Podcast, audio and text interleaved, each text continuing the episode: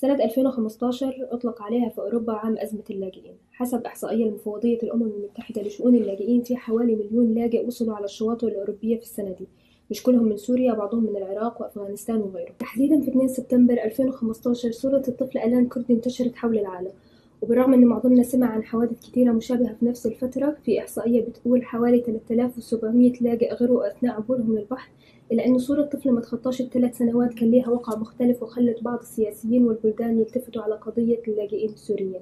وفعلا في بلدان كتير قبلت طلبات لجوء والاتحاد الأوروبي وعد بتوطين 160 ألف لاجئ ومواقف تانية سجلت لسياسيين وغيره طبعا التعاطف مستمرش ولو رجعنا لكده أسبوع بس تحديدا مع بدايات شهر ثلاثة من السنة دي هنسمع عن أخبار مواجهات حصلت بين الشرطة اليونانية واللاجئين السوريين على الحدود مع تركيا وتويت كتبها رئيس الوزراء اليوناني بيتكلم فيها عن أعداد اللاجئين المتزايدة على الحدود وبيتوعد بأنه هيزيد الأمن ومش هيسمح لأي دخول غير قانوني للبلاد. طبعا الموضوع أعقد من تعاطف وطلبات لجوء وأنا مش جاية أتكلم في السياسة. المقدمة دي كانت تمهيد للكتاب اللي هتكلم عليه النهاردة وهو Boy and the Beach أو طفل الشاطئ لتيما كردي. بالمناسبة في حادثة 2 سبتمبر مش بس ألان توفى أخوه غالب كان عنده خمس سنوات وأمهم ريحانة وطفلين من عائلة تانية كانوا معاهم على نفس القارب توفوا تيما هي عمة آلان وغالب وهي مش كاتبة ولكنها بتقرر توثق قصة عائلتها السورية.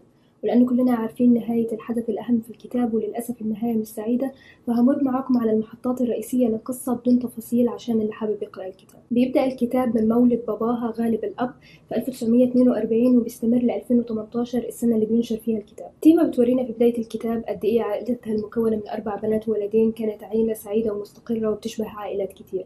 وسوريا اللي بقى اسمها مرتبط بصور الدمار والدم كانت بلد مسالمة وجميلة. في 1992 تيما بتتجوز وبتنتقل لكندا وبتفضل على تواصل مع عيلتها وبتحكي لنا عن حياتها الجديدة والمستجدات اللي بتحصل مع عيلتها في الفترة دي. وبنشوف الدور اللي بتلعبه والعقبات اللي بتواجهها وهي بتحاول تساعد عيلتها بعد اندلاع الحرب في سوريا. 2011 السنة اللي بتقوم فيها الحرب في سوريا بيرزق عبد الله وريحانة بابنهم الأول غالب. بعد تزايد الأحداث في سوريا وبعد حادثة بتعرض لها عبد الله في 2012 ومع انعدام الأمن واختفاء أساسيات المعيشة وزي عدد كبير من السوريين في الفترة دي بقرر عبد الله إنه يجتاز الحدود لتركيا. بعدها في 2013 بيرزق عبد الله وريحانة بابنهم الثاني ألان. تيما بتنقل في الفصول دي من الكتاب صور المعاناة اللي بتواجه اللاجئين السوريين في تركيا. كل أنواع المعاناة اللي ممكن تخطر على بالكم وممكن يمر بيها شخص معاه طفلين. المعاناة اللي بتخلي كتير من اللاجئين يفكروا يسلكوا طريق مميت زي طريق البحر عشان حقوق بسيطة ومتطلبات معيشة أساسية زي مسكن آمن أو ورق يثبت وجودك ويسمح لأولادك إن هم يلتحقوا بمدارس أو حتى يتعالجوا في الفصول اللي بعدها بتحكي تيما عن المحادثات بينها وبين عبد الله بعد ما بياخد قرار عبور البحر. رحلة مدتها نص ساعة أربعة كيلومتر من تركيا لليونان بتاخد حياة آلان وغالب وأمهم الكتاب يعتبر مذكرة سياسية بتسجل فيه تيما غضبها من نظام اللجوء اللي بيفتح المجال للاجئين ولكن بيشترط عليهم شروط تعجيزية وورق مستحيل يقدروا يجيبوه في ظل ظروف الحرب. تيما مش سياسية وبنشوف ده في الكتاب مش بتناقش الحرب ولا بتبدي رأيها.